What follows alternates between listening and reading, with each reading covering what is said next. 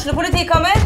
Ine Jansen er purk. Er du purk? The motherfucking bitch. Alt jeg vil, er å finne ut hva som skjedde med mannen min. Jon Carew. Er jeg sikta for noe? Iben Akeli. Det er du. Ole So, Lars Berrum og Big Daddy Karsten. Hvem sin side er du på, egentlig? Anette Hoff, Tone Danielsen, Kommer du fra Afrika? Jørnis Josef, Nesten. Kløfta. Trond Espen Seim, Det er synd å si det, men det var feil mann som døde. Purk. Premiere tirsdag på TV2 Play.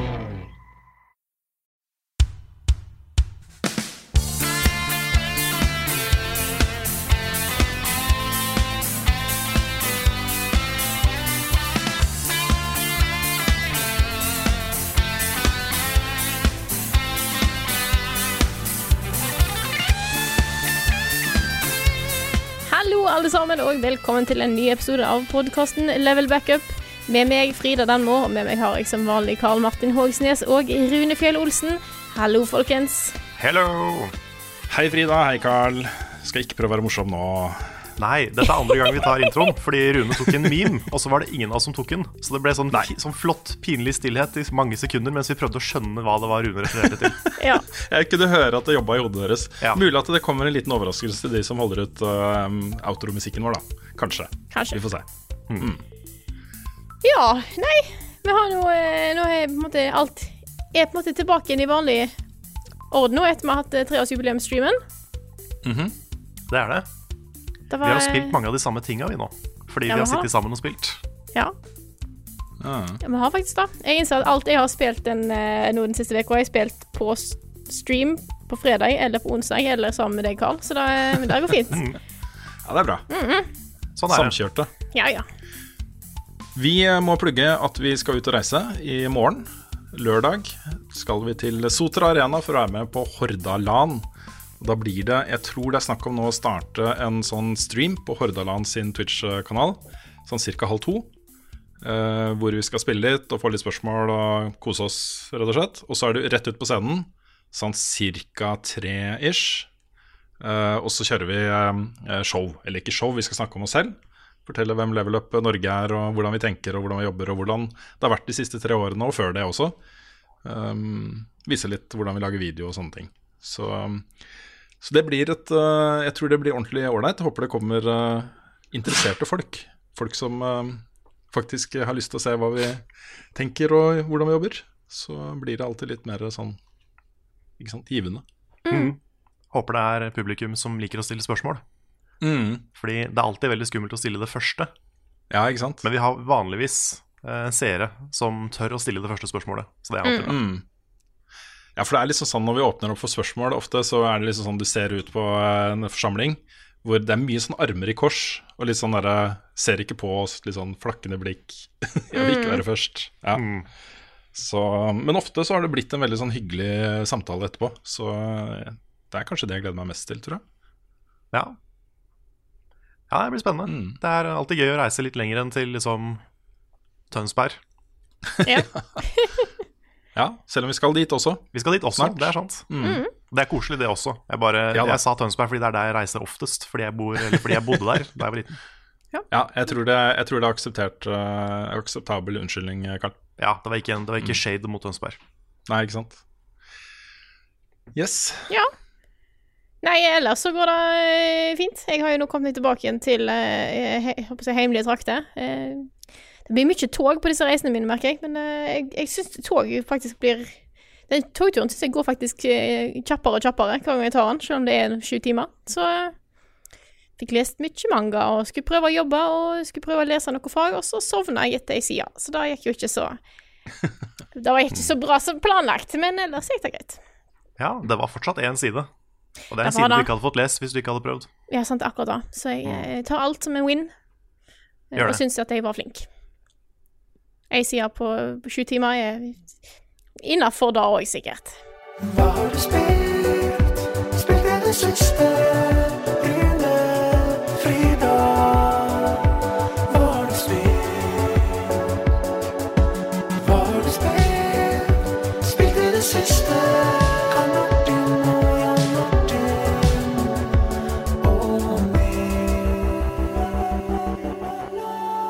Det kom jo en drøss med spill ut på fredag, og vi testa jo mange av de live på stream. Eh, så det, det var jo så mange at nå jeg, jeg tenkte jeg skulle prøve å huske hva alle var, men eh, jeg innså at det var litt eh, tomt i hodet mitt. Vi testa jo eh, Jump Force Mm. og Crackdown 3 og Metro Exodus og Far Cry. Yes, Yes. det var Mm. riktig. Nice. Nå husker jeg ikke, Hvem var det som vant eh, de, Jump Force-duellene mot dere igjen? Hvordan gikk det når vi duellerte i Jump Force? Ja, Nick var veldig flink, vil jeg si. Nick var, var kjempeflink. Ja, Nick var veldig god. Ja, ja. Ja. Men det er jo det er rart, da, på en måte at du har glemt det, Rune, i og med at det var du som vant. Oi, var det jeg som vant? Ja, var det ikke, jeg ikke mot som Nick, vant? da. For Nick, Nei, nei, Nick men- grusa deg. ja. Vant jeg mot dere? Ja, Gjorde jeg det også? Det gjorde. Oi! Jeg lurer på om, jeg, jeg føler det er en viss sammenheng mellom det og at du syns Jump Force var veldig gøy. Ja, men vet du hva det jeg likte med Jump Force? da? Det var jo den der absurde overdådigheten. Altså de eksplosjonene. Du skjønte jo ikke en dritt av hva som foregikk. Nei. Og så syns jeg det var herlig å sette meg ned med et fighting-spill og kunne hente fram de gode, gamle button mashing-ferdighetene mine. Og det funka, liksom. Ja. Så um, det, var, det var derfor jeg syntes det var gøy. Jeg hadde ikke syntes det var gøy å spille Jump Force over lang tid. Det kan jeg si med en gang. Men jeg, jeg syns egentlig det var skikkelig koselig, for jeg så at du hadde det ordentlig gøy med det spillet, Rune. Det hadde jeg ikke Mm. tenkt helt fra starten, så det var, det var egentlig veldig koselig, syns jeg. Selv om du, du vant. Det var jo litt kjipt, selvfølgelig. Jeg var liksom forberedt da på sånn Ja, ja, jeg får vel spille det spillet her, jeg kommer jo til å tape. Og så Først slo jeg Carl, og så slo jeg deg, og jeg bare Yes, jeg var i finalen med Nick, liksom. Det var eh, kanskje mitt stolteste øyeblikk som gamer i level up-sammenheng, altså. Du syns det, ja. Wow. Ja. Men det, det Ikke er litt hyggelig at, at, at du setter det å slå oss så høyt. ja. Ja. Vi var jo også noobs i Jump Force. Men jeg, jeg syns det var litt synd at ikke vi fikk eh, tid til en taperrunde med meg mot Bjørn. For jeg er litt spent på om jeg hadde klart å slå Bjørn. ja, nettopp. Ja, ja det var interessant. Mm. Så det ble delt sisteplass med, med Bjørn og meg. ja. Yes. Ellers så var det jo av de spillene som vi testa på stream, så er Metro Exodus ser jo råbra ut. Det håper jeg og gleder jeg meg til å få spilt, men nå er det liksom, nå spiller jeg masse andre ting. eh, og så kommer det jo masse andre ting, både neste uke og uka deretter. Og uka deretter så kommer det ting som jeg må teste, liksom. Så jeg tror, har mistanke om at Metro Exodus blir et sånt spille på høsten eller til sommeren eller et eller annet type spill, altså. Dessverre. Ja, nei, jeg har liksom ikke noe forhold til den serien nå, men det så kjempebra ut, absolutt. Så da tror Mm. jeg eh, blir eh, er litt, av en, er litt av en opplevelse, ja. Og så syns jeg Far Cry eh, New Dawn så litt kjedelig ut. Det spilte jeg en times tid. Ja. Mm. Det er jo sikkert et spill som vokser, tenker jeg, men, men det så jo ut som mer Far Cry. Ja, så er det litt er noe med den der litt sånn postapokalyptiske crafting-greia som eh, Jeg vet ikke, det har ikke den samme type appell. Det er mulig at eh, Fallout 76 bare har ødelagt hele den sjangeren for meg. Så, så dere forresten det, at det var en fyr som har 900 timer i Fallout 76? Ja. Og han ble banna. Ja, han hadde for mye ammo. Han hadde for mye ammo, rett og slett. Han går ikke tom for ammo. Nei, det gjorde jeg ikke. Men tenk så trist at du er en av de få som elsker det spillet, Ja. og så bare banner Bethesda deg. Ja. Det er tragisk. Det er herlig, altså. Bare litt sånn, meta, eh, litt sånn ikke bokstavelig talt, men et lite øyeblikk stillhet for han. Mm. Det er liksom ja, Beklager at jeg ødela det øyeblikk stillhet. Nei, tenkte, vi, vi trengte ikke å gjøre det i praksis, men bare sånn Ja, okay, greit. ja. Ja, nei, fordi Det morsomste kommentaren jeg har sett til dette, her er bare at, uh, at Bethesda nå har banna den siste spilleren som spilte Fallout 76. Ja. Mye mulig. Ja. Mm, ja, det er ikke så ille, tror jeg, men uh, ja. Nei. Det er ganske gøy likevel, da. Jeg, jeg lo godt Mm. da jeg så det før i dag. Og så syns jeg synd på fyren hans. Det, Ja. Jeg håper da han blir unbanna. Ja. Åh, håper det. Yes. Nei, men da, er... da har vi snakka litt om eh, Fallout 76. Er det andre Det er jo spill? det er Ja. et spill som jeg er veldig spent på å høre Rune prate om. Fordi Ja. det er jo den store tingen vi ikke spilte på stream, ja. nemlig Anthem. Det var litt sært. Det kom jo den fredagen, det også. eh, til alle oss eh, idioter som har blitt eh, Nei, det er ikke idioter. Det er en ganske fin tjeneste. EA Access Premier er en ganske bra tjeneste. Den koster en tusenlapp i året, og du får tilgang til ganske mye spill, altså. Så jeg vil ikke disse tjenesten, men det, er, det føles jo litt sånn jeg har, ikke, jeg har, ikke, har det ikke gått inni meg når jeg vet med meg selv at jeg har blitt medlem der for å kunne spille Anthem en uke tidligere. Og i hvert fall ikke med det spillet som vi fikk da den 15. Fordi først så gikk vi jo fra en demo Som ikke var en demo, men mer en sånn alfa- eller uh, QA-test eller noe sånt av hvordan ting funker. Og så kommer det da Early Access-versjonen på eh, Access Premiere. Og det er jo heller ikke det ferdige spillet. Det kom jo i, eh, i Og så var det en ja, natt til torsdag, tror jeg det ble sluppet av en stor sånn day one-patch som var megasvær, som retta bare helt avsindig mange problemer med spillet. da så, så, det jeg gjorde, det jeg endte opp med å gjøre, var at jeg spilte ca. ti timer. Kom til sånn level 10-ish. Og så, sånn, så, hørte jeg om den patchen her og bare Vet du hva, jeg kan bare ikke fortsette å spille nå, fordi det er ikke ferdig ennå. Jeg må spille med den patchen. Jeg gidder ikke å vasse meg gjennom uendelige loading screens og masse sånn incoherent greier, liksom. For å liksom komme til maks level før den patchen kommer, og så teste det mer med patchen. da Så jeg har installert patchen, skal spille det mer. Um, og håper jo at uh, en del av de sånn uferdige inntrykket uh, vil gi seg litt, da.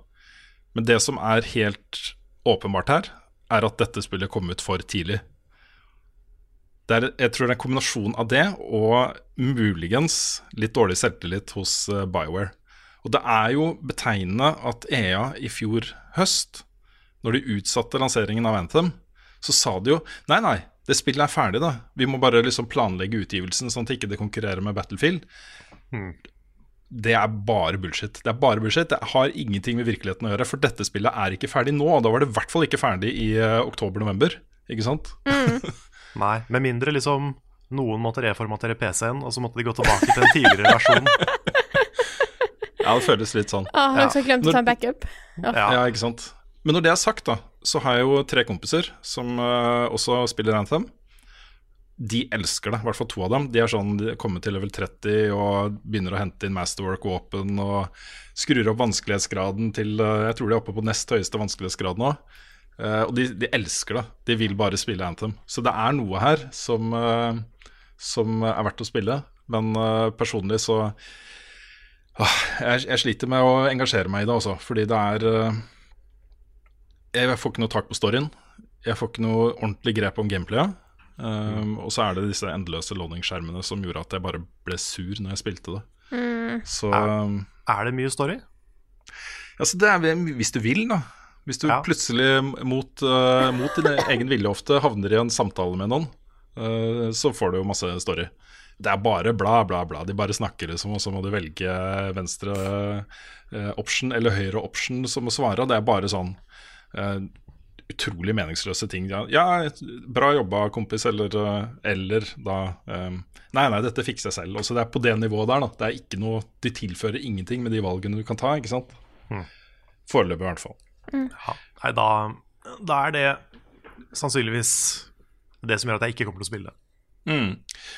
Nei, det er, det er, litt synd også, fordi det er absolutt noe her, og jeg er ganske sikker på at uh, så lenge ikke uh, altfor mange forlater det spillet og ikke spiller det, så vil det utvikle seg mye over tid. Det er så store rom for forbedringer. Og det er jo litt sånn det har blitt nå, ikke sant. Um, finansåret går jo ut 31.3. Sikkert noe av grunnen til at det kommer nå i mars. At ikke de vil utsette det enda litt til. Um, noen ganger så føler jeg det litt som om de store utgiverne er sånn De holder seg litt for øynene og ørene, og så bare slenger de spillet ut. Og så ser de om det er nok til at folk kjøper det og spiller det, og at de kan fortsette å jobbe med det, eller ikke. da. Eh, det føles veldig sånn med Anthem, egentlig. Det er trist, altså, fordi eh, Bioware er en veldig god utvikler, men dette kan ende med at det ikke er noe Bioware mer. Mm. Det kan ende med det, altså. Så, det, um, så det hadde jo vært uh, dumt. Men jeg mm. tror det har mye med selvtillit å gjøre. Også etter, etter uh, Mass Effect 3 og alt, alt, det som skjedde rundt det. Uh, og, og så nå den ja, det var det jeg mente. Andromeda. Ja, men også for så eh. vidt slutten på Mass Effect 3 var jo en internettstorm. Ja, den tror jeg de rei litt av seg. Jeg tror det var en Romeda som Det var det jeg mente. ja, jeg er enig. Mm. Og så får du den launchen her. det må jo ha vært konflikter internt, tenker jeg. Også, det må jo ha vært noen hos uh, BioWare som har sagt for at vet du hva, spillet er ikke ferdig. Kan vi være så snill å få et par måneder til, liksom? Bare fått nei. Det, det, det må ha vært krig om det, da. Ja, jeg tror ikke jeg tror ikke nødvendigvis spillutviklerne sjøl, altså de som sitter og lager dette her, er fornøyd med å gi ut et spill som ikke er ferdig. Nei. Nei, det tror ikke jeg heller. Og det, er, det var trist også å se hvor uferdig det var da det kom den 15. Fordi da skulle det være ferdig. Det man betaler for der, ikke sant, ved å være Access Premier-medlem, det er jo å spille det ferdige spillet en uke før alle andre. Ikke sant? Det er jo det man betaler for. Ikke å teste det litt til, sånn at de kan få litt mer feedback til å lage en enda bedre patch til lanseringen 22., ikke sant. Det er litt sånn Så- som det er noen sånne preorder-bonuser, der hvis du kjøper spillet på forhånd, så får du tilgang et par dager før. Men hvis spillet da ikke funker, så er det sånn Ja. Ikke at jeg, ikke at jeg oppfordrer folk til å kjøpe altså preordre ting, da. Det er jo en dum idé generelt. Men ja. Mm. Nei, men eh, jeg, jeg tror nok Altså, jeg kommer til å gi det tid. Og det, det dummeste man kan gjøre nå, det er jo bare si de tingene jeg har sagt nå, og så bare avskrive det. Og det ser jeg det er mange som gjør. Um, og det er, ikke, for- det er ikke fortjent, det heller, på en måte. I hvert fall ikke når jeg vet at uh, Daniel og Mats og Erik har det så gøy med dette spillet som de har. Jeg stoler jo på deres mening også, og har lyst til å spille sammen med dem, ikke sant. Så jeg kommer til å kverne meg gjennom, og så får vi se, da. Men uh, min for, mitt foreløpige inntrykk er ikke så veldig positivt. Så ja. Men jeg har spilt noe mer. Jeg har spilt, eh, apropos betaer og demoer og sånt, jeg har spilt eh, Trials Rising-betaen. Ah, som kom hey. eh, da i går torsdag, også i dag for oss, klokka ti. Eller halv elleve ble det vel. Det skulle komme ti, men det kom halv elleve. Så jeg fikk spilt eh, et par timer. Og det, det er gøy, altså. Men også der, her skal de lage dette her som Games as a Service-ting. Med lootboxer og tjo og hei, liksom. Eh, og nå er den skrudd opp til 11 da, i eh, denne demoen, eller betaen, som de kaller det. Åpen beta. Du får jo lootboxer hele fuckings tid. Du gjør et løp, og så går du opp i level, og så får du en lootbox. Og så var det, ikke sant, masse Det er bare cosmetics hele veien, liksom. Eh, nye poses og hjelmer og eh, stickers og sånne ting. Um, men det er mye av det. Det er mye den der, Det kommer en lootbox ned, den åpner seg opp, der kommer det noe gult. Da er det noe gult, hva er det for noe? Hele tiden, da. Så, men det satsa mye mer på multiplayer nå, og det syns jeg var bra. Også. Skikkelig bra multiplayer. Eh, ordentlig gøy å spille. Eh, de, de modene jeg har spilt, så har det vært liksom tre runder, og så er det sammenlagt score eh, som teller, da. Og det har vært både sånn åtte spillere samtidig på hver sin bane innover, eh, og vanlige trials-baner, eh, så man bare må komme først i mål, ikke sant. Og ellers så er det trials. Det er gøy, det er ordentlig bra.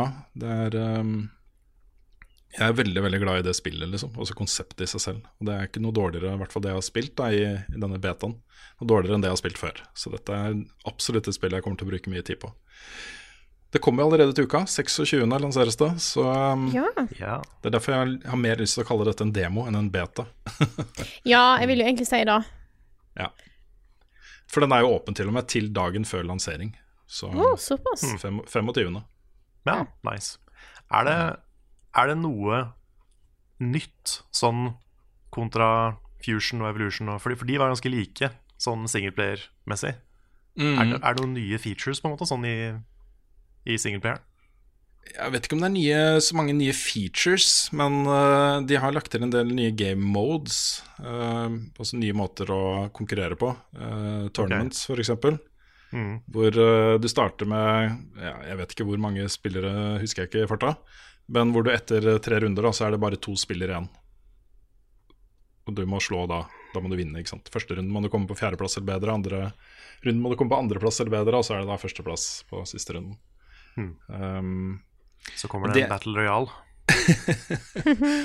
Ja, dette her skal jo få season pass og hele sulamitten, liksom. Det kommer til å bli mye content som kommer jevnlig til det spillet her. Og hva de finner på å legge til, det kan man aldri vite med disse gærne finnene. Men uh, foreløpig så ser det ut som det har beholdt liksom humoren da, og humøret fra de tidligere spillene. Og da kan man jo forvente seg at det kommer mye crazy. Men det jeg er mest gira på med Trials, det er de der litt seige Ikke de aller vanskeligste, men det som eh, vanskelighetsgraden hard er det jeg syns er morsomst. Det å mestre de vanlige trials-banene på hard har alltid vært det jeg har likt best i den serien her. Så ja. Det er også, Hvis du ser den podkasten på YouTube, så er det da også Trials Rising som er gameplay-klippet som ligger bak. Så kan du se jeg sliter litt på hardbaner og sånne ting også. Men uh, kverner gjennom. Det er bra. Kan jeg bare nevne én ting som ikke er et spill, som jeg også har sett i det siste, som jeg bare, siden ikke jeg har anbefaling du nok er? Ja, kjør på. Det har kommet en ny TV-serie på Netflix som heter The Umbrella Academy. Ja. Som er basert på en eh, sånn Dark Horse uh, graphic novel. uh, med blant annet Ellen Page uh, i en av rollene. Den er den, eh, Jeg veksler litt mellom å synes den er dritbra og, og synes den er li, en litt sånn småblek kopi av Legion. For det er tydelig at det er veldig inspirert av Legion i eh, regien her, eh, og tonen i, eh, i serien. Men det er en veldig kul historie. Det Utgangspunktet er jo da at på slutten av 80-tallet så fødes det jeg tror det var 46 barn. Spontanfødes. Altså Ingen av de damene har vært gravide før, men de spontanfødes på samme dag, på samme tidspunkt. Og så er det da en eksentrisk eh, mangemilliardær som kjøper, på en måte, adopterer syv av disse barna. Så um, du følger de da uh, når de har blitt voksne. Det er stort mer enn jeg har ikke lyst til å si, men det er en veldig spennende serie. Så likte den. Så det er en, det er en superheltserie, på en måte. Ja, det er jo Ja. det. Ja. De har, de, alle disse syv har Uh, un, Med unntak av Ellen Page, da, men der kommer det helt sikkert noe etter hvert, vil jeg tro.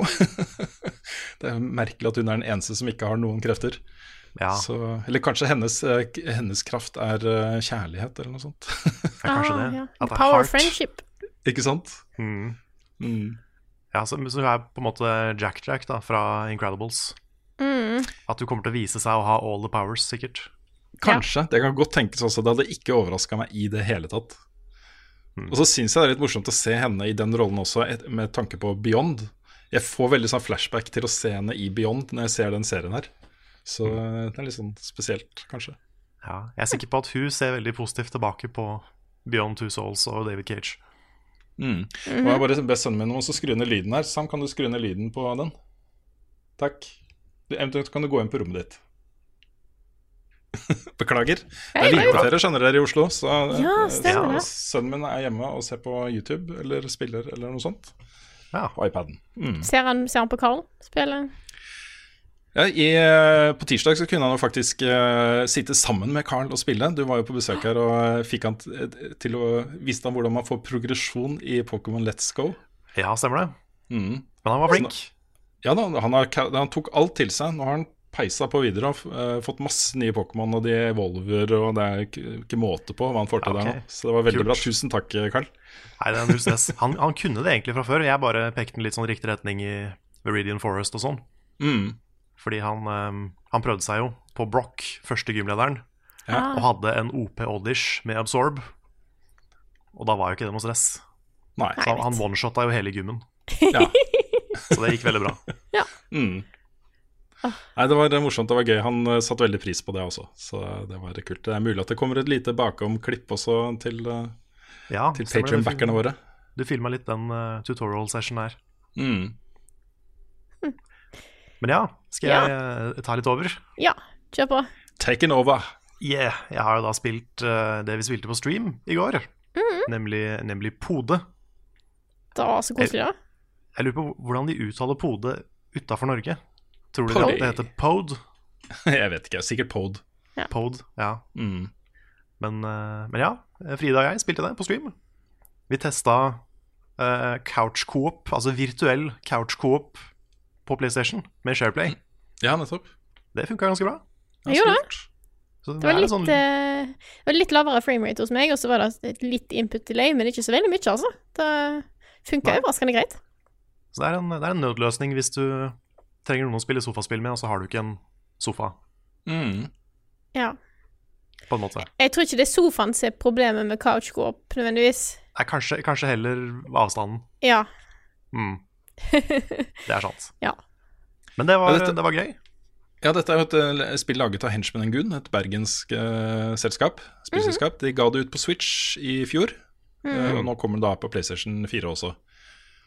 Og det har vært sånn, Jeg har jo spilt det ikke mye, men litt med familien. Og likte det kjempegodt. Så jeg har vært litt sånn, jeg pusha dere litt til å faktisk teste det spilleren. Når vi fikk da PlayStation 4-koder, så ga jeg det de til dere. Jeg ville at dere skulle teste det, rett og slett. Nei, det var superkoselig. Det var jeg, jeg ble overraska over nivået på noen av puzzlesa. For jeg, vi satt faktisk fast en et par ganger på stream. Eh, det? det var en del lure måter å løse ting på, altså. Så vi kom vi- ganske langt. vi måtte faktisk spørre chatten et par steder. Ja. Eller var det i hvert fall ett sted. Ja. Så måtte vi, måtte vi spørre, og da var, da var til og med chatten usikker. ja. Ah, Og det var litt sånn, det var litt sånn deilig, fordi jeg så for meg at de kom sikkert bare til å sitte der og bare Å, men dere er så dumme. ja, ja, Dere må skjønne det her. Men de, de skjønte det ikke, de heller. Før etter hvert. Da kom, da kom svaret. ja.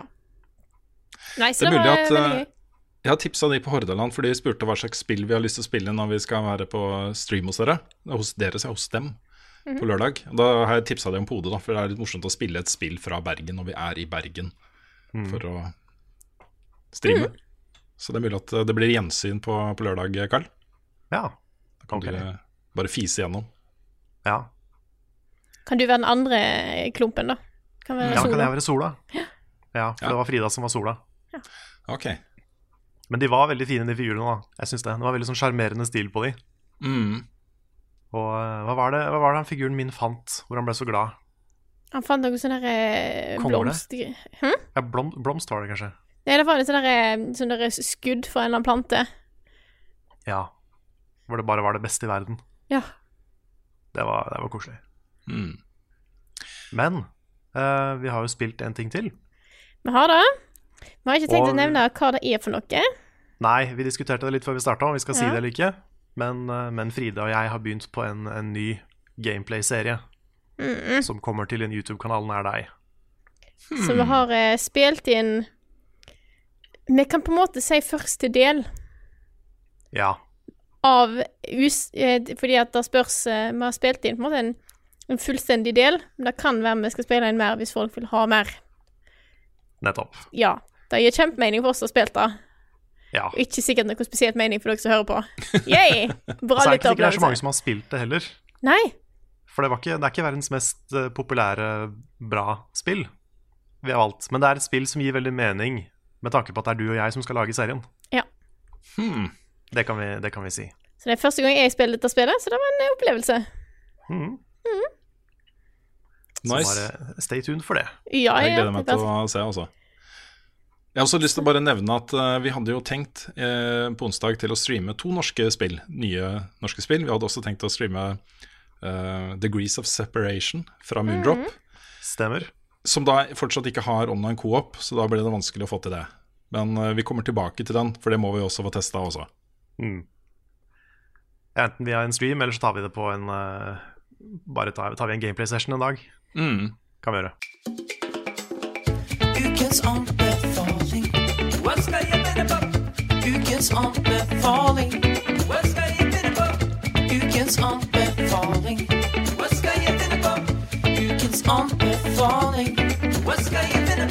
Ukens anbefaling. Er fra Carl, vær så god. Thank you. Det var en veldig kjapp intro. Ja, jeg var veldig fornøyd med meg sjøl. Det var sånn tre sekunder. det. Det var kjempebra. Ja, min anbefaling er en, en Netflix-serie. Jeg var litt nervøs i stad for at Rune skulle bare ta min anbefaling før jeg kom til den.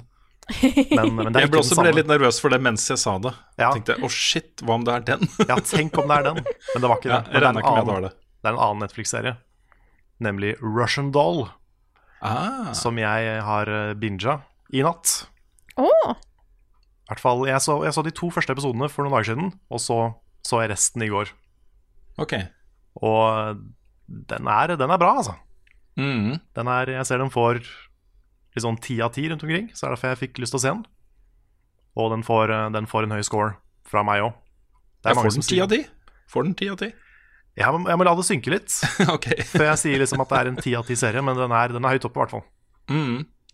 Dette er jo Det er mange som sammenligner den med Groundhog Day. Og det er jo på en måte den samme grunnkonseptet, at en, en kort tidsperiode blir gjentatt igjen og igjen og igjen. Og så skal hovedpersonen finne ut hvorfor det skjer, hva, hva er grunnen til at dette skjer med meg, og sånn. Um, du kan på en måte se på det som en sånn slags mellomting mellom Life is Strange og Edge of Tomorrow Hmm. med en veldig, veldig kul hovedperson. Som er En grevling? Ikke en grevling, Ja, Ok. ok. men, men en, en veldig kul hovedperson. Som er, som er liksom Dette er en sånn serie hvor hovedpersonene har flås. På en måte. Altså, de, de har ordentlige negative sider som kommer tydelig fram. Så det er ikke en sånn typisk serie hvor Alle hovedpersonene er liksom perfekte mennesker. Men de har issues, og de har ting de må finne ut av. da. Mm. Uh, og jeg syns spesielt hovedpersonen, som er spilt av hun uh, Husker jeg ikke hva hun heter i farta, hun som også har spilt i Orange is the New Black. Ellen Page. Nei, ikke, det er ikke, ikke Ellen Page. Men hun er, hun er veldig, veldig bra. Jeg elsker måten hun prater på. Hun har en sånn attitude og en uh, aksent som er veldig bra. Litt den der eh, What's going on over here? Oh, you Ah. call me a cockroach? Liksom, hun, har bare, hun har så mange bra lines, og hun er så veldig sånn Hun er så på hele veien. Så så jeg elsker henne i den serien her. Og så tar den noen, den tar noen vendinger etter hvert som ikke jeg så komme. Den er spennende hele veien. Den er morsom av og til. Ofte litt mørk. Den har liksom Den har alt. Og så er det litt sånn som The Leftovers og den type serier, så, det, så handler det mer om eh, figurene da, enn om det store mysteriet, om å løse det, liksom. Så det er mer sånne personlige reiser enn det nødvendigvis er la oss finne ut av dette sci-fi-mysteriet. Så um, sterkt anbefalt. Det er, det er åtte episoder, og de er 25 minutter lange, så det er veldig enkelt og greit å komme seg gjennom. Så det er ikke verdens største tidsinvestering. Men det er, det er rollegalleriet som er bra her, syns jeg. Det er det som gjør serien kjempebra. Kan jeg, sammen. ja. kan jeg jo komme med en kjapp anbefaling? Kjør på. Fordi at eh, Nick viste oss jo et par serier mens vi var i Oslo. Eh, og en av de var en eh, anime som heter Made in Abyss. Som jeg har hørt litt om før, men jeg tenkte ok, nå har Nick vist, eh, vist den, så nå skal jeg se resten. Og jeg har nå kommet til episode 10 av 13. Og den, det, det er en god serie. Han begynner veldig sånn derre Sånn der happy-go-lucky små unger. eh, Eller sånne, ikke små unger, men måtte, en noen koselige, søte unger og sånt. Og den den viser seg å være mye mer enn det jeg først trodde den skulle være. Og episode ti er litt Der skjer det litt mye greier. Så det, jeg måtte ta en pause i går før streamen. Bare sånn der eh, Skal jeg se resten av den senere? Så ja. Jeg, jeg gleder meg til å se hvor resten av den går, for jeg ser også at historien kan bli ganske spennende. Ja. Så det en liten Når, jeg sånn- hører, når jeg hører Nick anbefaler og søte små barn, så tenker jeg hmm, er, Ugler i er, mosen. er dette enda en sånn Promised Neverland? Ja, ja. Nei, det er ikke helt, eh, det er ikke helt der. Den er mye mer sånn uh, adventure litt, Han har fortsatt en del sånn koselig vibber rundt seg. Han har det. Mm. Uh, men Ja, det er jeg så, jeg så første at- episode. Den, den var veldig koselig. Så det er litt interessant at de to seriene, anime-seriene jeg ser nå, begge to handler om små unger som ikke har det altfor Eller den ene så har de det litt fælt, og den andre så er det Ja. Det var min anbefaling, som er, det er egentlig en anbefaling fra Nick, på en måte, som jeg nå har videreført, da.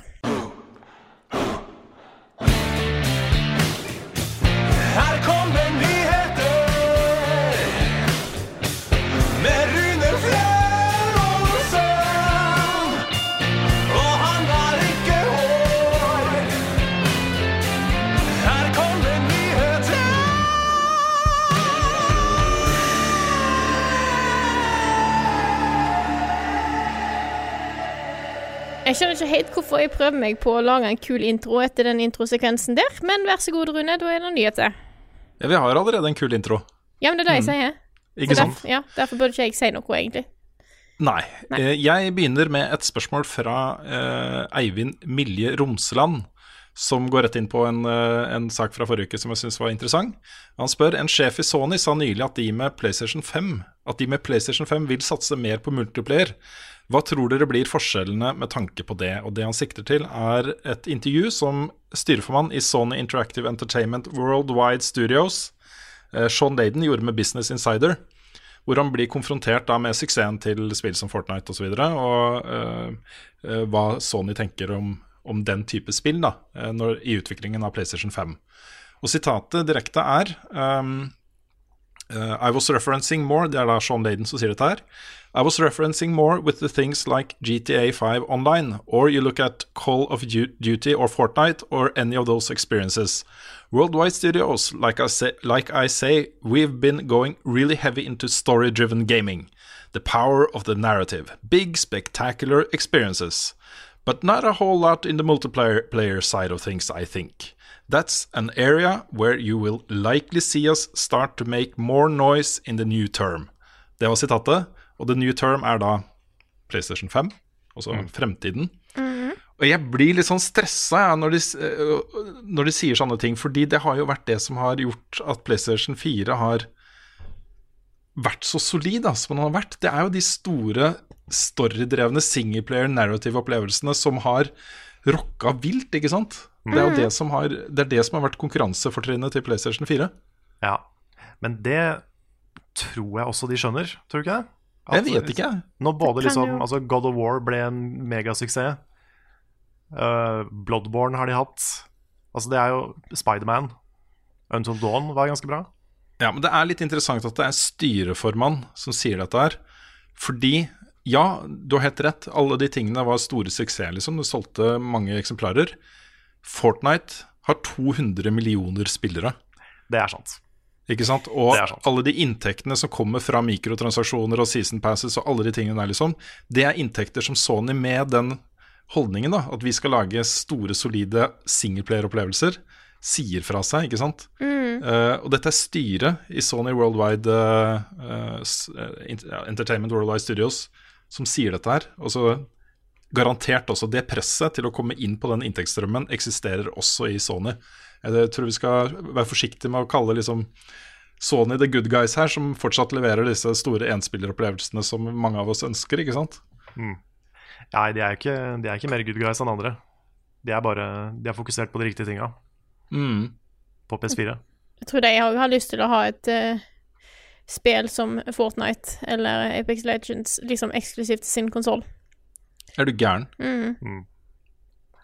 Nei, det er nok sant. Så vi får se. Ja. Jeg er, um, eh, jeg- det, er liksom betegnet at han nevner GTA Online her også, fordi det er nok den modellen som man tenker på der, ikke sant? Noe som bare lever og lever og eksisterer og eksisterer og genererer og genererer inntekter, ikke sant? Ja.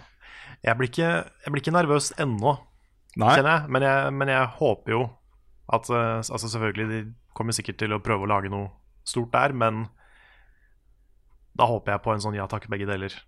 mm, Eh, ordningen at det i hvert fall kommer begge deler. Mm. At, ikke, at ikke de sier til de store storystudioene Nei, vet du hva, nå skal dere lage God of War online, liksom. ikke sant? For, det, Ja. for da Da er vi fucked. Ja, det er, det, er, det er mitt poeng også. Hvis det skjer, så er vi fucked, altså. Ja. Men jeg, jeg, ja, jeg, jeg tror det skal mer til enn det. Da. Jeg, tror de fortsatt, jeg håper i hvert fall at de fortsatt ser verdien av det de studioene gjør. Mm. De har jo eh, beviselig, eh, også når man ser på track recorden til Sony som spillutvikler og utgiver, eh, førstepart eller andrepart, så har de jo bevist at de satser på den type spill som vi snakker om nå, også på singleplayer-opplevelser. Narrative, følelsesladde, tunge enspilleropplevelser. Og det er jo fordi de har sterke folk i selskapet som kjemper for det, ikke sant? Som, eh, som står for at det er den type ting de skal satse på, ikke sant? Så vi får bare håpe at, eh, at det fortsatt eksisterer. For ellers så blir det mye sånn metoo, metoo, metoo. Ikke hashtag metoo, men jeg vil, Ja. også, jeg vil også ha de pengene. Gi noen Ja. av de til oss. Ikke sant? Da blir hele spillindustrien om to-tre år blir sånn, ikke sant? Det er ikke bra. Nei, det er helt sant. Og apropos, det er eh, opprør i Call of Duty-leiren om dagen.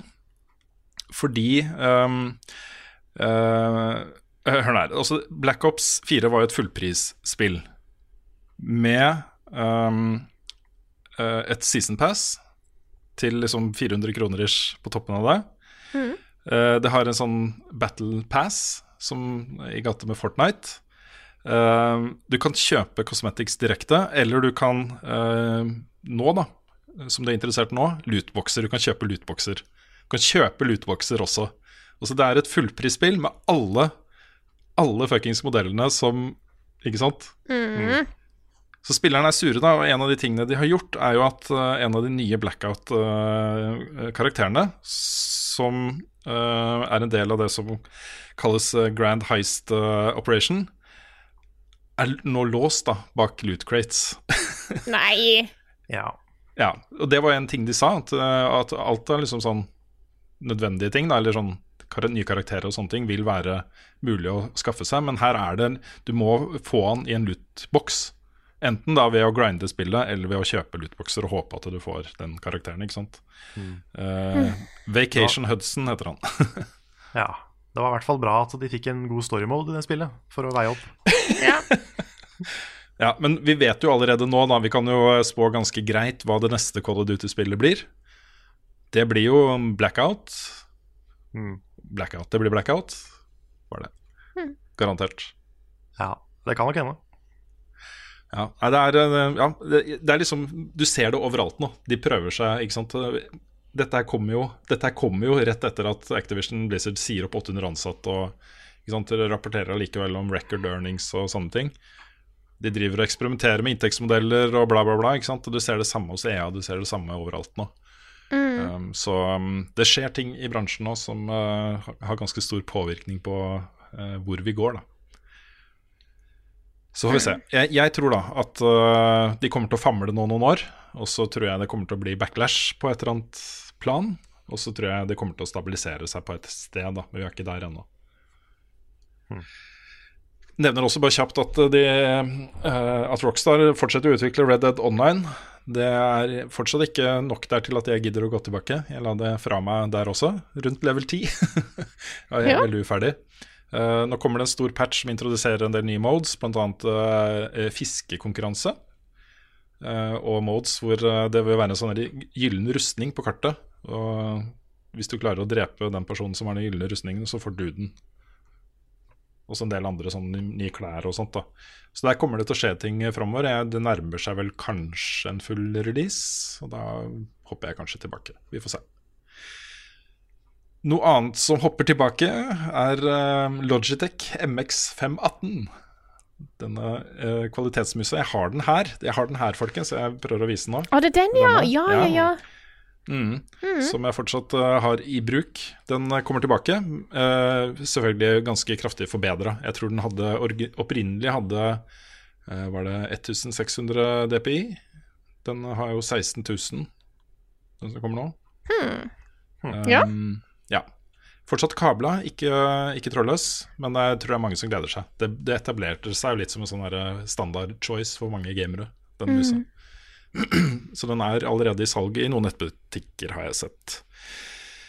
Um, Alfonso eh, Ribeiro, som også er kjent som Carlton, har jo saksøkt eh, Fortnite, eh, Epic Games og Fortnite, pga. den Carlton-dansen. Han har nå fått avslag hos eh, US Copyright Office på eh, å kopibeskytte den dansen. Og begrunnelsen er at det er, det er bare noen moves, det er ikke en hel dans, det er bare moves. Du kan ikke kopibeskytte bare moves. Ok, Men du kan kopibeskytte en hel dans. En hel dans, så thriller-dansen til Michael Jackson f.eks. ville det vært, vært mulig, da, under de reglene å kopibeskytte, men ikke bare det at han slenger armene opp et uh, par-tre ganger, liksom. Ja, OK. Hva med den hvor han liksom bøyer seg helt ned og helt opp igjen? For den er ganske ikonisk. Ja, det er ikonisk. Jeg det er bare mus. moves. Ja, altså, Jeg tror ikke han kunne copyright- Nei, kanskje ikke. Nei. Så nå er liksom. det nok mange kjendiser som har dansa i forskjellige sammenhenger, som er lei seg også, for dette var et hardt slag for alle de Ja. stakkars menneskene som har fått uh, movesa sine stjålet av uh, Epic og Bungee og gudene Mm. vet. Mm. Sant. Det neste nå blir om du kan copyrighte memes. Ja. At han som har tegna This Is Fine, Mm. kanskje kan komme på banen. ja. Det kan, eh, det kan man jo fort gjøre, da. På sånne ting, tenker jeg. Han kan jo prøve. Ja, Det er jo de nye kopibeskyttelsesreglene. Og gjorde det liksom masse usikkerhet rundt hva man gjør med memes som er tatt av bilder og sånne ting, f.eks. Mm. Greit. Um, det er annonsert en oppfølger til Darkest Dungeon. Har du, Er det noen av dere som har spilt det? Jeg vet at eh, Nick er veldig glad i Darkest eh, Dungeon. Ja, jeg har spilt det litt. Mm. Jeg har ikke runda det, men det var, eh, det var veldig bra. Det var veldig sånn tungt, vanskelig survival. All news is bad news-spill. Mm. Ja. Så det er ganske, ganske tunge sessions, men det er veldig gøy. Det er jo liksom Mm. Man kan ikke sammenligne det med Souls, men det er den litt samme sånn trykkende stemningen. Om at alt er imot deg. Og Mm. hvis du klarer noe, så føles det faktisk som om du har oppnådd noe. Ja, ikke sant. Det er varsla ganske store endringer på eh, grunnkonseptet. Eh, de beholder liksom fighting-systemet, men eh, med masse nyheter. Um. Og så nevner jeg også kjapt, eh, litt sånn apropos, um, Susann Schneider, som um, vi kjenner som en av verdens eh, beste uh, Soulsborne-rønnere. No-hit-rønnere. Hun har fullført uh, hele Dark Souls 3 og Bloodborne uten å bli treff, truffet av en eneste fiende en eneste gang. Det er bare helt crazy hvor stor prestasjon det der er. Det er helt sinnssykt. Uh, Men hun arrangerer nå da en eh, Bloodhit no-hit tournament som eh, på sin Twitch-kanal. Eh, fra eh, 25. til 28. februar så er det kvalifisering, og så er det da finale fra 1. til 3. mars. Så det, det har jeg lyst til å prøve å dekke litt, altså. Eh, Mm. Se litt på Være litt med på. For jeg tror Ja. det der kan være utrolig gøy å se på, rett og slett. Kan vi ikke, kan vi ikke prøve å få inn henne som podcast-gjest? Jo, jeg syns det. Jo. Det har vært veldig kult. Det har vært kult. Vi kunne jo sette henne ned med Sekiro når det kommer, og få henne til å no-hit-runne det for oss, f.eks. Åh. Ja, det var kult. ja. Men hvis du er ferdig Skal du si noe, Rune? Nei, jeg, har, jeg er ferdig. Ja, for da vil, har jeg en, for jeg er jo litt inne sånn innimellom inne i eh, CSGO eh, e-sport-scenen. Mest fordi Petter er veldig engasjert, og da blir jeg litt engasjert, jeg òg. Fordi i går kveld var det norsk eh, kamp, faktisk. Det er det en av de store turneringene, turneringene som går nå, og nå er det på en måte introrundene. Eh, så i går så var det faktisk Det var to lag som sloss mot hverandre i en Best of 1. Det var Face som spilte mot Renegades, og på begge disse lagene så har vi norsk spiller.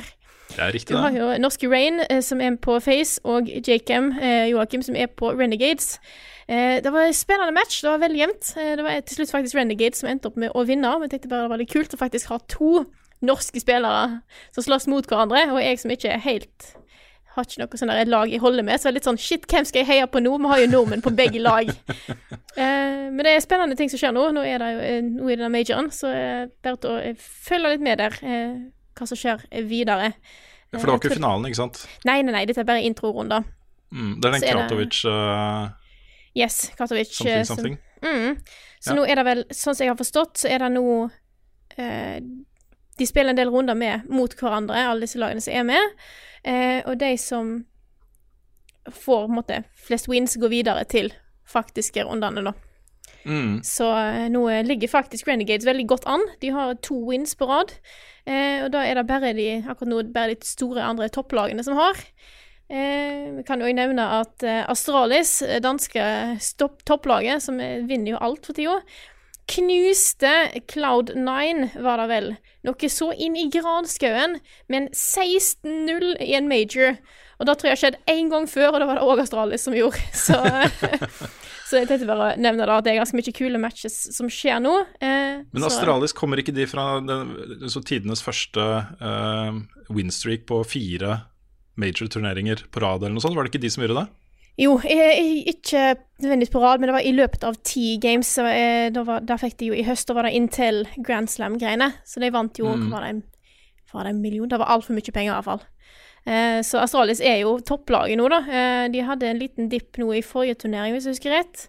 Eh, men det var litt problem med streamen, at, eller med hele turneringen, sånn at det, det sies litt at det da. Men det er, også, eh, det er jo Liquid, så tror jeg òg er på toppen nå, hvis jeg husker rett. Så det, er, det blir spennende å se hvordan dette her går. Astralis er, er gode, altså. Eh, og det viste de igjen i går med sin eh, 16-0. Det er helt ekstremt. Det er topplag som spiller mot hverandre, og så blir det 16-0. Åh, det er, det er festlig når sånt skjer. Det var faktisk interessant, vi satt og så på de siste rundene der. Det var akkurat mens uh, uh, Renegades eh, hadde slått uh, hadde slått Face, og slo vi over til, eh, til Astralis eh, versus Cloud9. Og det var jo, det var jo 15-0, og du må jo få 16 for å få poenget, da. Eh, og disse kommentatorene visste ikke hva de skulle gjøre, så det ble helt sånn der rolig stemning. Var sånn Ja, nå sitter vi her og følger med på at, eh, hva som skjer, og eh, prøver Cloud9 skal prøve å liksom ta igjen, kanskje få litt stolthet tilbake. Det var skikkelig sær stemning i hele greiene, for det var litt sånn Det var bare fullstendig overkjøring. Da kan du liksom ikke juble så høyt når de får én, Nei, altså ett poeng. Men det var er, For det er fortsatt eh, 16-1. Ja, men det Mm. er likevel, da. Det, den, er- den nullen der, den er, den er tung, den, altså. Mm. Nå fikk jeg veldig sånn derre Altså, Frida, hvis du noen gang satser på dette her, altså kommentering av e-sport og sånt Nå var du veldig sportsreporter. Det, var sånn, det er sånn de snakker når de kommenterer fotballkamper og sånt. Det var, det var veldig bra. Altså. Vet du Jeg var faktisk skikkelig fornøyd med meg sjøl at det, ting gikk så bra her. Jeg, at jeg bare prøver å få, eh, samle sammen alt som jeg eh, Jeg får sett litt, og det hender at det står på på TV-en hjemme. Ellers er det mye info om spillere og team som jeg får fra Petter, så jeg prøver liksom bare å få fram alt jeg, eh, alt jeg husker. Men jeg skal prøve å eh, gi litt eh, info etter hvert, hvis vi ser hvordan det går med med, med de norske lagene, med, altså norske lagene, sier jeg. Norske spillerne, da eh, For det er det aller, aller viktigste. Det vet alle som følger sportsdekning i norsk presse. Det er jo det eneste som betyr noe. Hvordan gjør nordmennene det, ikke sant? Ja. Det er jo det. Så det er jo det. Nei, så jeg, eh, jeg skal Hvis det skjer noe spennende, vet du, så får dere høre fra meg. Men ellers, ta og sjekk det ut. Eh, Det er jo eh, Nesten all info er jo på HLTV, som er på en måte hovedsida for eh, CSGO. Så hvis du igjen, jeg sier det, hvis du tror at dette kan være spennende, ta og eksempel følg med når de skikkelig sånn semifinaler og finaler begynner å skje. Der er det ofte ganske spennende kamper. Sports. Kommer Ruen sin standup på DVD, eller? Jeg selger et guttenavn. Hva er det vesle karet sitt? Hvilket språk snakker Frida egentlig? Hvorfor er Mario rørlege? Vi har fått inn en drøss med spørsmål fra våre kjære lyttere, så i dag begynner vi med et spørsmål fra Truls Nordby. Han spør Truls! Ja. Unnskyld, unnskyld. unnskyld. Ja, ja, det er bare en shout-out, liksom. Ja, heia Truls. Truls har vært med i podkasten. Vi har bodd hos Truls. Vi har Budus Truls. Ja, vi har bodd i leiligheten til Truls. Ja, Ja. Bra mann. Mm. Så bra mann Truls eh, spør ser dere alt av Game of Thrones før siste sesongen. Bra spørsmål Ja. fra bra mann Truls. Yes. jeg, jeg gjør det. Jeg og kona gjør det. Vi er akkurat ferdig med sesong fire. Så um, det er liksom sånn Vi, vi binsjer litt, og så blir det en pause fordi vi ser litt andre ting. Uh, men vi har jevn progresjon på det. Og det er sånn, Nå sitter vi liksom og vi husker jo sånn delvis hva som kommer og sånt. Uh, så vi sitter og gleder oss til liksom Mountain and the Viper og sånne koseepisoder. Ja. ja, det er også noe å kalle denne episoden. Mm. Nei, da, vet du hva, den har jeg faktisk ikke Jeg har fortsatt ikke sett hele den uh, scenen. Jeg, har, jeg skal ikke si hva det er, i tilfelle noen ser nå Game of Thrones for første gang. Ja, Men det, det, jeg har bare sett nederst i høyre hjørne av skjermen. ja det har jeg òg. Jeg har eh, sett vekk et par steder. Ikke sant? Men det er en utrolig kul opplevelse å se alt igjen. Også med den, både det at du vet hva som skjer, og kan trekke linjer da, som ikke du kanskje fikk helt med deg eh, når det var ett år mellom hver sesong og sånne ting. Så, og så er det ekstra gøy å se det med kona, fordi hun har um, både sett alle uh, TV-episodene før, og lest alle bøkene. Så hun har masse sånn tilleggstrivia og stopper liksom Setter uh, pause for å forklare hva som skjer i bøkene. da. Denne rollefiguren er egentlig slått sammen av to, disse to rollefigurene her og bla, bla, bla. ikke sant? Mm. Så Kult. Jeg tenkte på å gjøre det, men det har liksom ikke blitt tid. Og Nå begynner det å bli litt uh, Litt for kort tid igjen før dette her eh, showet starter igjen. Ja. Men, jeg tror man får mye mer ut av siste sesongen hvis man har alt det andre frist i minne. ja, nei, det Det tror er jeg. jeg ganske sikker på, altså. Det er så mye greier. Det er så, det er så innvikla serie og, og forhold mellom personene og alt at jeg klarer ikke å holde oversikten. Så ja. Det blir Nei, det spennende. Mm. Jeg tror ikke jeg rekker å se alt, men jeg, skal, jeg tenkte jeg i hvert fall skulle se den forrige sesongen på nytt.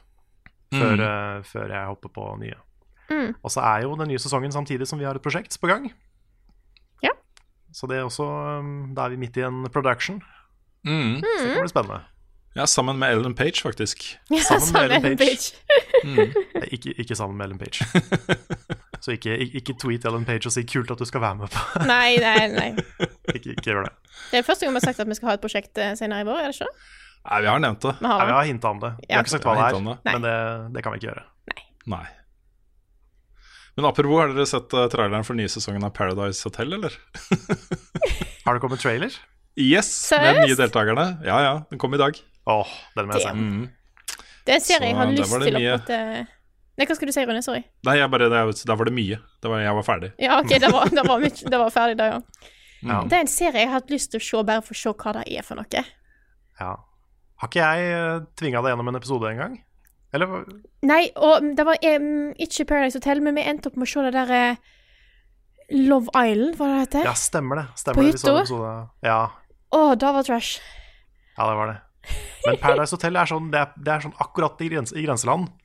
Fordi Ex on the Beach, det må jeg se sammen med noen for at jeg skal orke å se det. Ellers så bare blir jeg helt sånn nedbrutt av mennesker. Ja.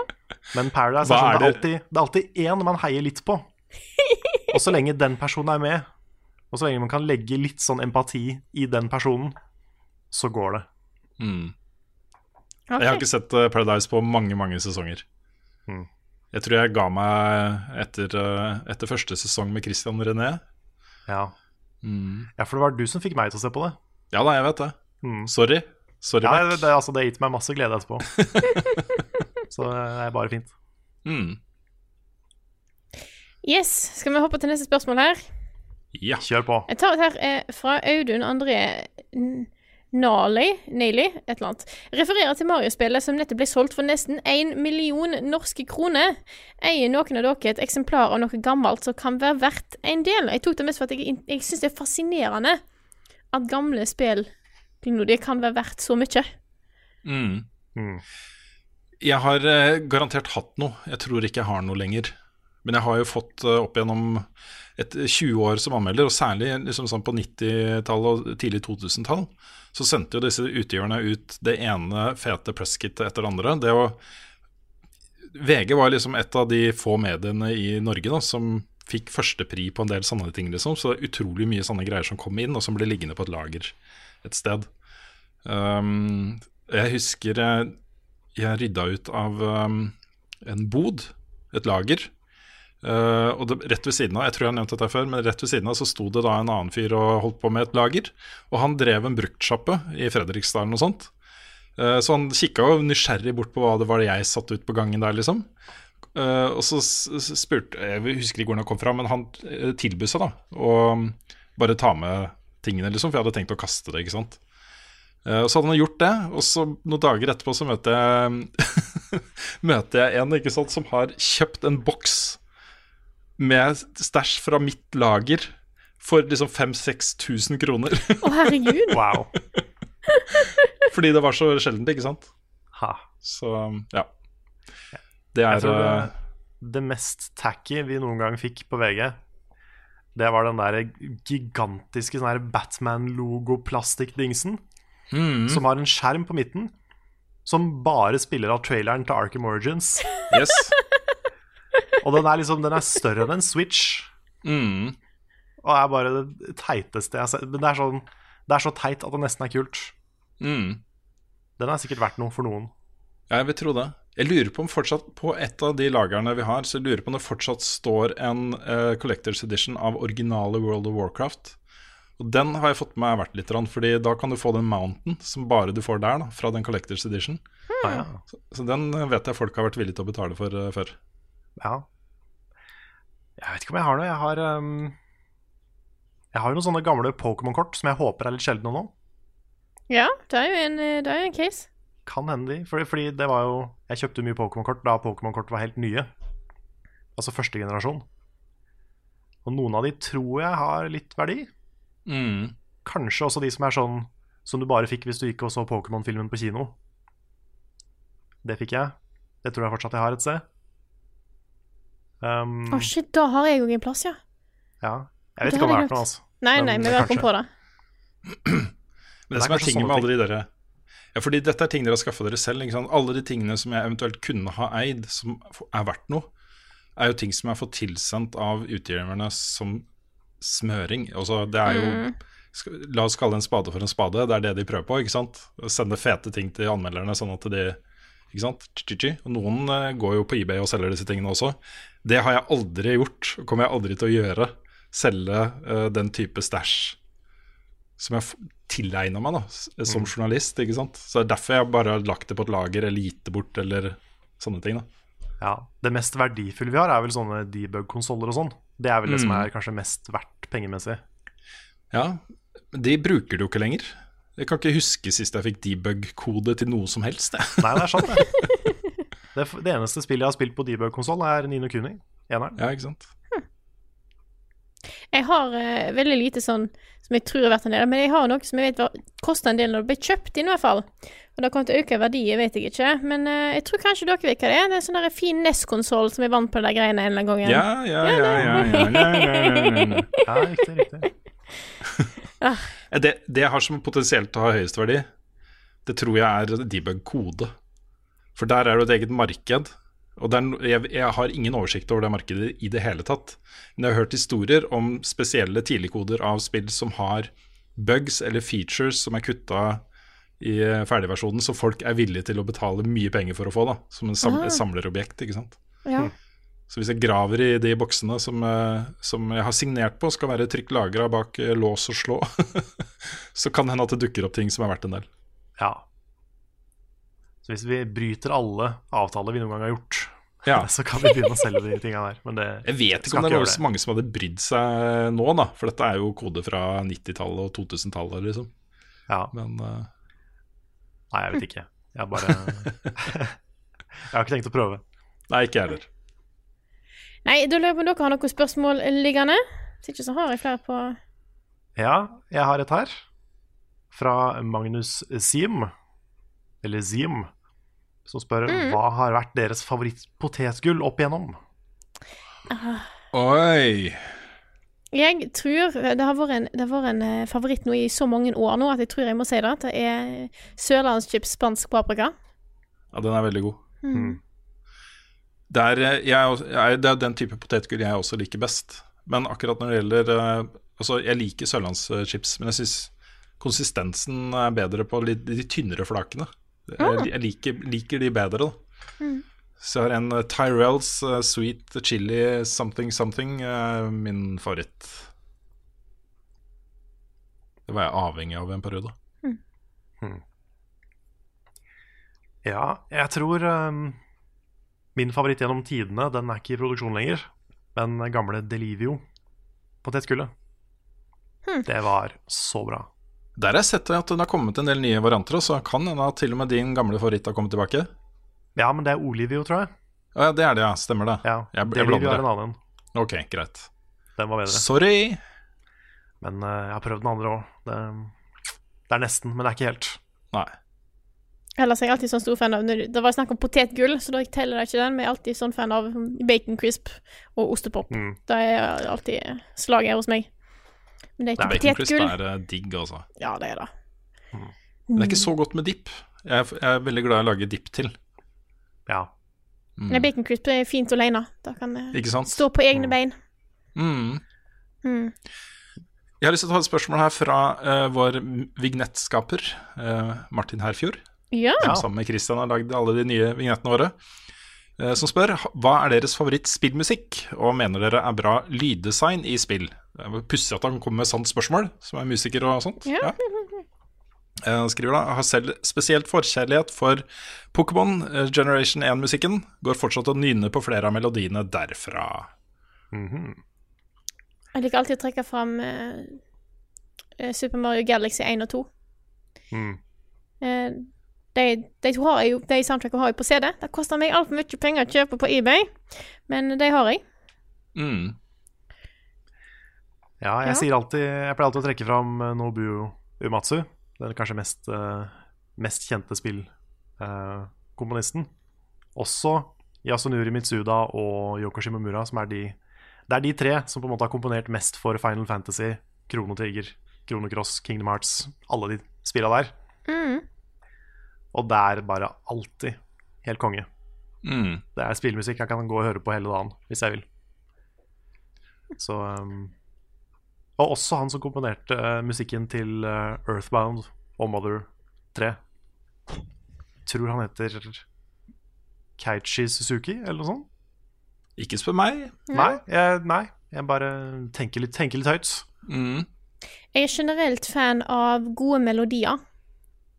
Eh, og ellers eh, orkestrert soundtrack. Men det er Det varierer sånn fra spill til spill. Jeg er veldig glad i eh, musikk som på en måte tilpasser seg Eller som er tilpassa eh, stilen i spillet. For Mm. eksempel så er det jeg, jeg på en måte kan kjenne igjen en sånn del ting. Jeg er veldig glad i, kjempeglad i Cuphead-soundtracket, for eksempel, for det er jo så stilisert at det er jo helt perfect. Eh, veldig glad i ting som bruker mye trommer. Jeg husker at jeg, jeg, jeg vet ikke hvorfor jeg vet det, eller hvorfor jeg husker det sånn. Det er ikke sikkert det stemmer engang, men jeg vet at de eh, 3D Rayman-spillene, altså Rayman eh, Revolution og Hoodlum Havoc, så er det mye tromme, altså perkusjonsinstrument. Dritkult. Veldig fan av det. Så eh, sånne type ting er jeg, eh, er glad i. Men òg altså, alt som er litt eh, store orkestrerte greier, eksempel sånn som du har i alle bossmusikksegmenter i Bajonetta Ever, som er et gigantisk orkester og kor og alt på en gang. Da jeg elsker det. Mm. Toby Fox, Undertale, Ja. Mm. også. Mitt favoritt-soundtrack all time er nok det er, det er, Jeg tror ikke det er fordi det er friskest i minnet, men det er nok Red Dead Redemption 2. Um, og det er mye, det er mye pga. Daniel Lanois, som er jo en av de beste musikkprodusentene ever. Han har produsert mange av mine all time favorittalbum også, med store, bra artister, liksom. Eh, men måten han har komponert det soundtracket her på, er på en måte en kombinasjon da, av uh, musikere som, uh, som uh, er på top, top of their, their game. ikke sant? Veldig gode musikere som virkelig ønsker å skape noe bra som passer til spillet. Og å velge låter til riktig tidspunkt og sånne ting. Det soundtracket der syns jeg er helt magisk også. Det er kjempebra. Det er alltid bra, og det er aldri for mye. Det er uh, begrensa på alle de riktige punktene. Men ellers, eh, de siste årene, de soundtrackene som jeg har Hva skal man si eh, likt best Fordi jeg er også glad i sånn type God of War, eh, Horizon, Destiny, den type soundtracks. Jeg syns det passer til den type spill. Da. Men når de legger inn litt sånn kjølig elektronika, så blir jeg så utrolig happy. Fordi det er sånn musikk som vanligvis ikke brukes i spill. Um, eksempel Vane var det jeg likte aller best med det spillet, var soundtracket. Det var dritbra. Kommer det plutselig noen utrolig fete sånn sånn abstrakt elektronika. Uh, no Man's Sky. Dødsbra soundtrack. Jeg har også spilt mye den type spill med mitt eget soundtrack, som da har ofte vært kjølig elektronika, ikke sant. um, jeg syns det brukes for lite. Hitman 2 var dødsbra på det. Der hadde de utrolig mye kul musikk som man ikke på en måte umiddelbart gjenkjenner som uh, spillmusikk. da. Uh, og Det funka så bra i det spillet der. Og det er jo også basert på at det er mange forskjellige steder og scener de er på. ikke sant?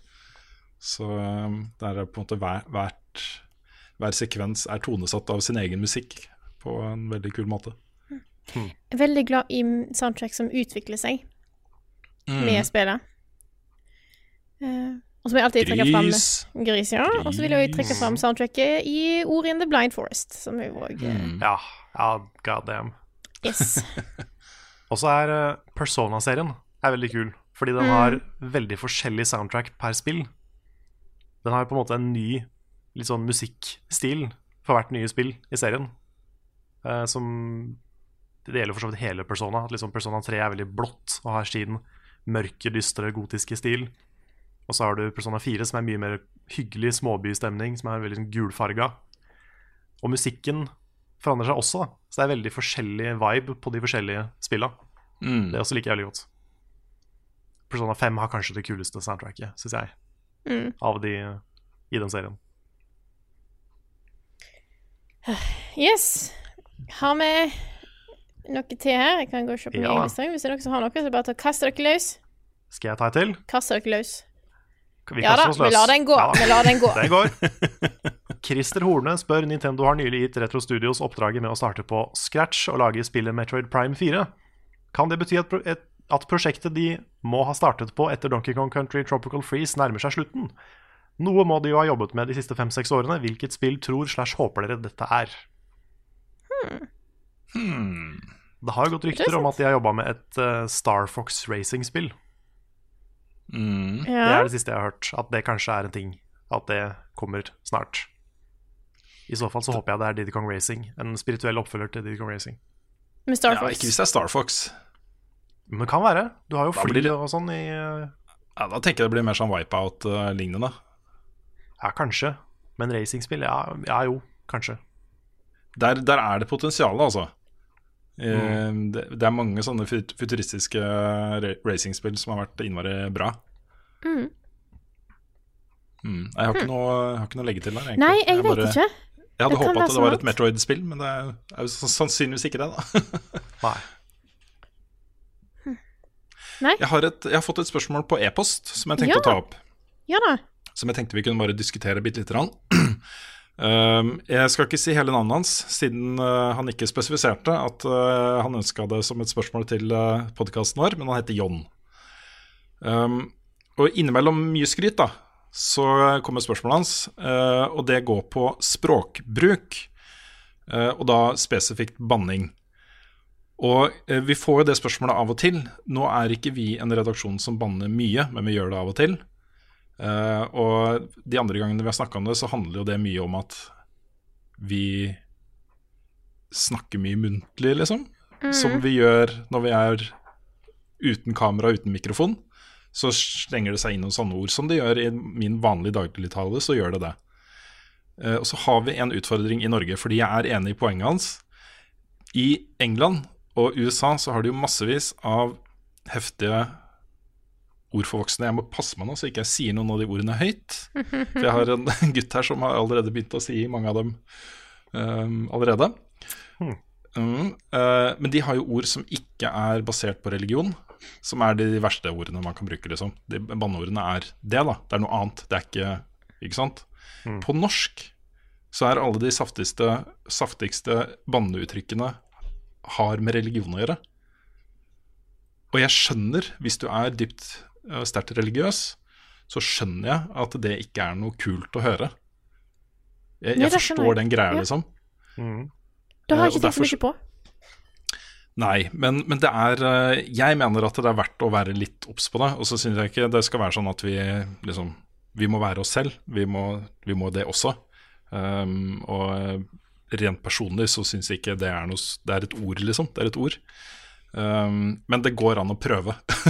det går an å prøve å være litt uh, ja, uh, mer forsiktig med hva slags uttrykk man bruker, da. Um, det er to sider av det. Det ene er at jeg syns jo ofte at en del sånne uttrykk frisker opp språket. Gir det mer farge. Altså ikke, ikke bevisst, men det er litt sånn voksne mennesker snakker til hverandre, ikke sant. Mm. Uh, men så syns jeg samtidig at man trenger jo ikke å bruke dem. Man, må, jo- man kan jo få sagt akkurat hva man mener på akkurat den riktige måten uten å bruke akkurat de ordene også. Så Ja. jeg tror ikke det hadde hindra oss så mye, da. Å bare være litt sånn ok.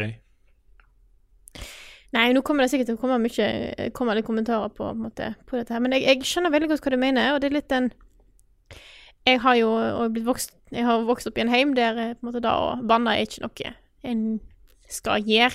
Det er noe jeg, på måte, jeg egentlig har tilegnet meg mer med, med årene, spesielt når jeg bodde vekk hjemmefra. Jeg vet jo jeg klarer å snakke uten det. det men det er rart hvordan sånne ting egentlig bare sniker seg inn i ordforrådet, altså. Det er det. Ja, noen ganger så holder det ikke å si bare 'søren Klippe', liksom. Det gjør ikke det. Nei. Men du har også sånne ord som er litt i grenseland, sånn som Altså, de fleste syns jo ikke f.eks. 'herregud' er et banneord. Men det er jo litt det samme. Mm. Det blir det. Jeg, jeg vet, jeg har jo uh, snakka mye med kristne mennesker om disse tingene før også, ikke bare her, liksom. Um, og der, der har de jo forskjellige grader av, uh, av uh, alvorlighetsgrad også, fra person til person, hvor mm. ille de tar det opp når de hører den type ord. da. Men det er jo et av budene.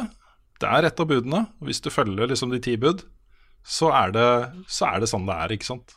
Mm. Og jeg syns jo altså Dette her havner inn under det å bare respektere våre medmennesker, da.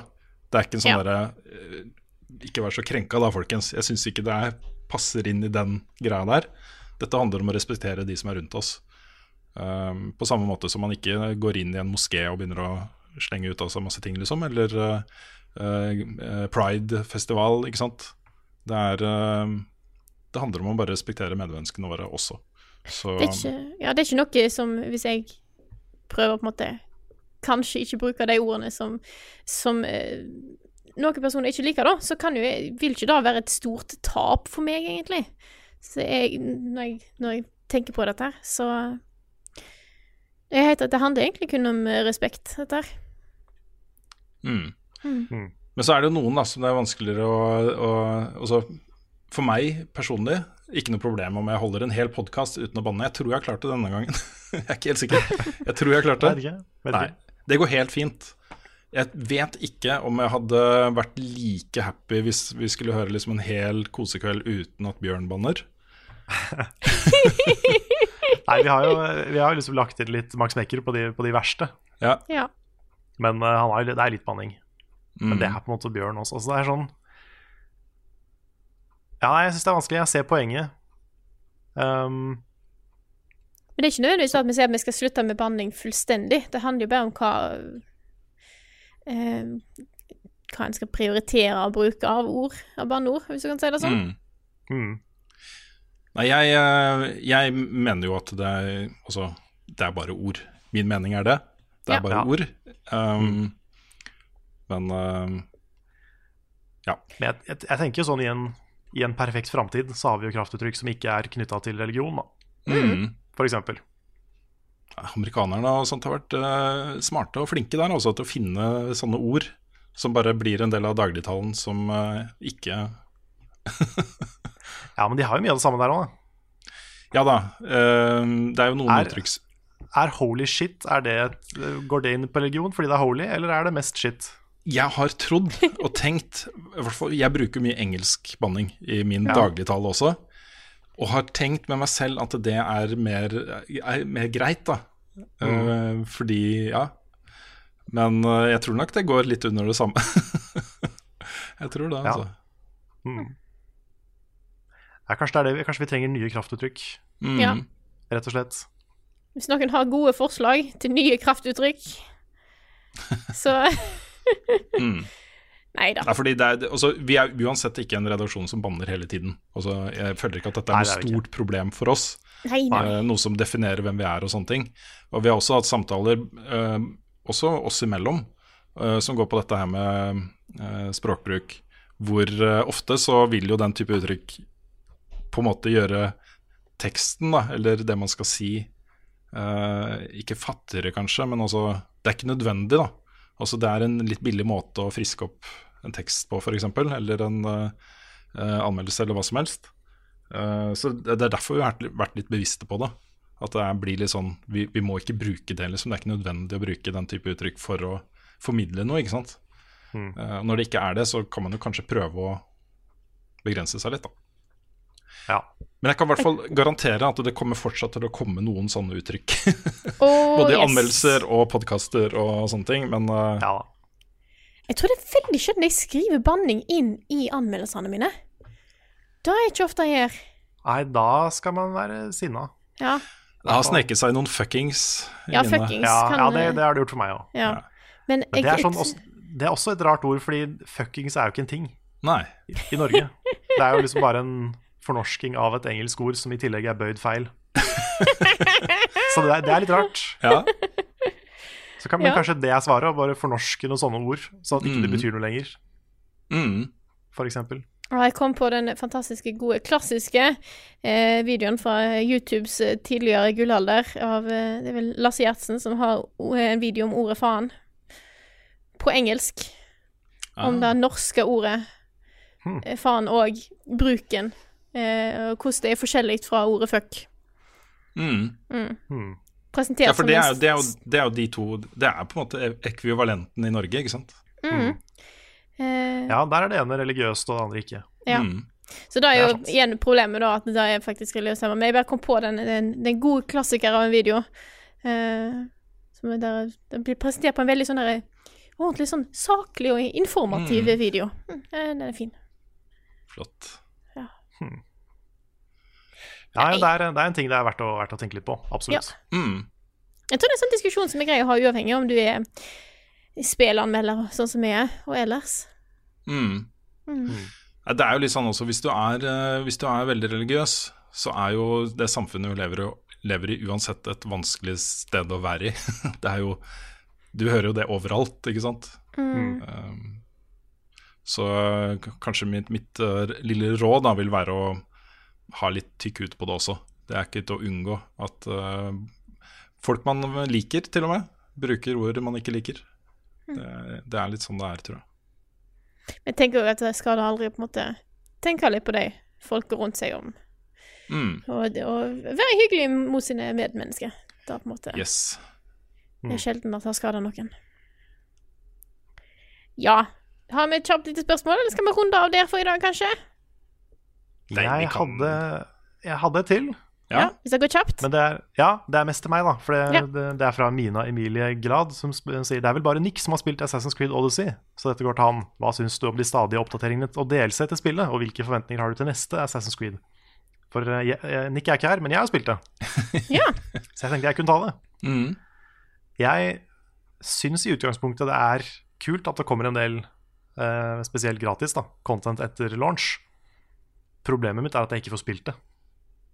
OK. Fordi når, når det kommer, så er jeg allerede langt inn i liksom tre spill ned på lista. Ja. Så det er litt vanskelig å gå tilbake til spill noen ganger. Sånn som Mm. Spiderman-DLC-en har jeg tenkt at liksom, ok, så fort det kommer DLC til Spiderman, så må jeg spille det med en gang. Fordi det spillet her er dritkult. Men jeg har fortsatt ikke gjort det. Nei. Og det er fordi det har vært andre ting. ikke sant? Og det er Mm. kanskje, Jeg vet ikke om det er fordi jeg anmelder, eller fordi det bare er for mange spill. Men det å ta seg tid til å gå tilbake til spill, det er litt vanskelig. Mm. Jeg har jo uh, hørt veldig veldig mye bra om uh, DLC-en til eh, Xenoblade Chronicles 2. Den har ikke jeg starta opp engang. Nei. Altså, den er litt sånn kjip. Mm. For du må på en måte sette deg inn i spillet på nytt. Du må lære deg kontrollsystemet på nytt. Ja. Mm. Jeg kommer til å bruke sikkert en time eller to på å lære meg combaten i Spiderman på nytt, f.eks. For, jeg har spilt så mange spill siden da. Mm. Så um, Jeg fikk jo et spørsmål her en dag om, eh, jeg hadde, om hva jeg syns om DLC-ene til eh, Zelda Breath of the Wild.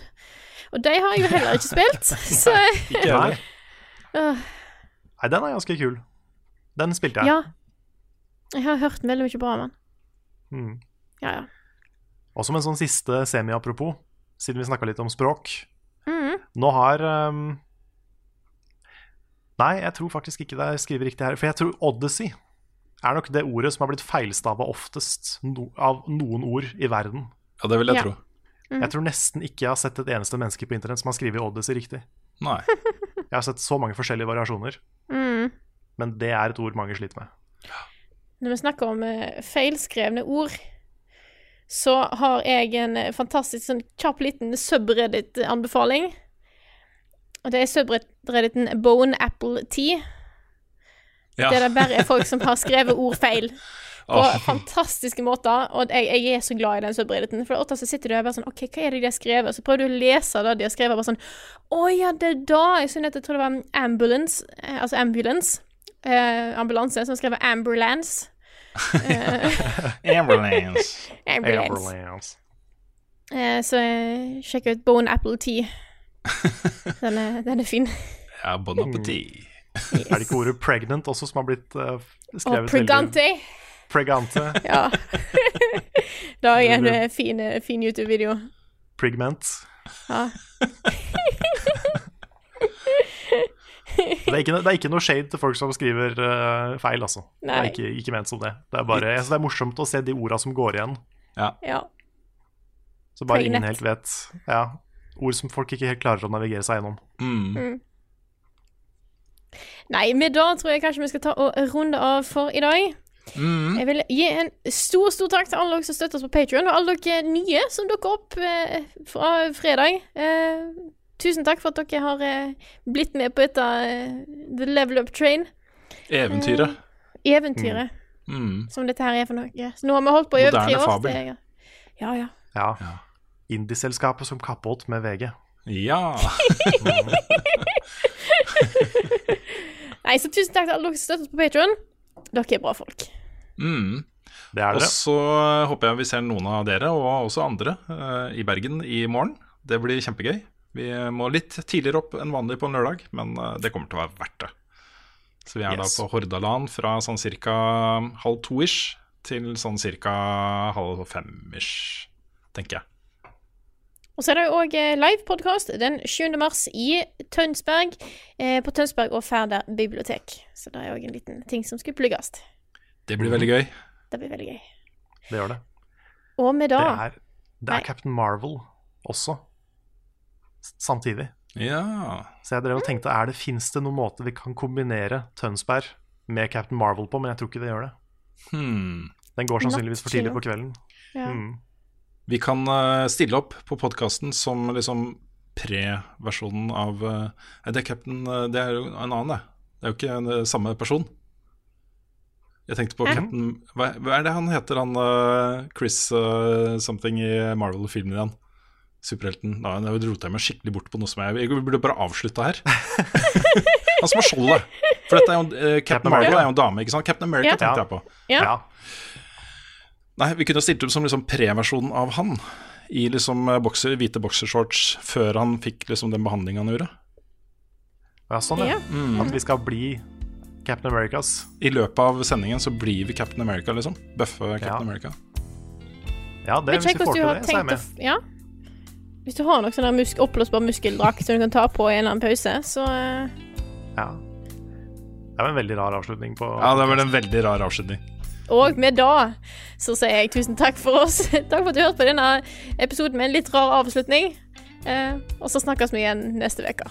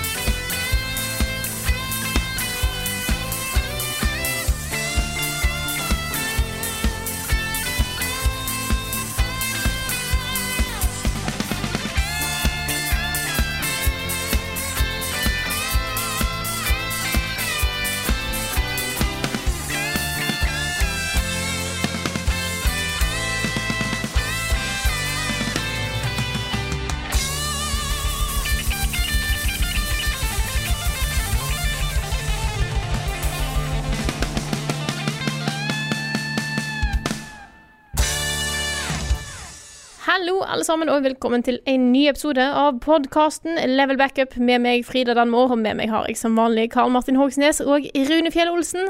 Hallo, folkens. Hei, hei. Bring ha! Hæ? Du syns den var morsom. Du sa du syns den var morsom, Frida. Videoen til Simon. Ja, vi Jo, kan ta jo, jo, herregud, sorry. Jeg, jeg, jeg klarte ikke å skjønne hva det, den referansen var. Jeg syns, jeg definitivt Ja, den videoen til nytt. Vi tar den på nytt. Ja, Da bare dropper jeg Jeg- det. Den gikk helt over hodet på meg. Ja. Har du ikke sett den, Carl? Simon som eh, setter ned hastigheten på oh, ja. stemmen til uh, Å, ja, den, var for, den var for søkt. Ja. Ring ha! det er jo meme. Den har jo fått eh, gudene vet hvor mange visninger og Ja, greit. Ja, Men ok. vi starter på nytt. Ja, ok, Sorry. ok. Har du et enkeltpersonforetak eller en liten bedrift? Da er du sikkert lei av å høre meg snakke om hvor enkelt det er med kvitteringer og bilag i fiken, så vi eh, gir oss her, vi. Fordi vi liker enkelt. Fiken superenkelt regnskap.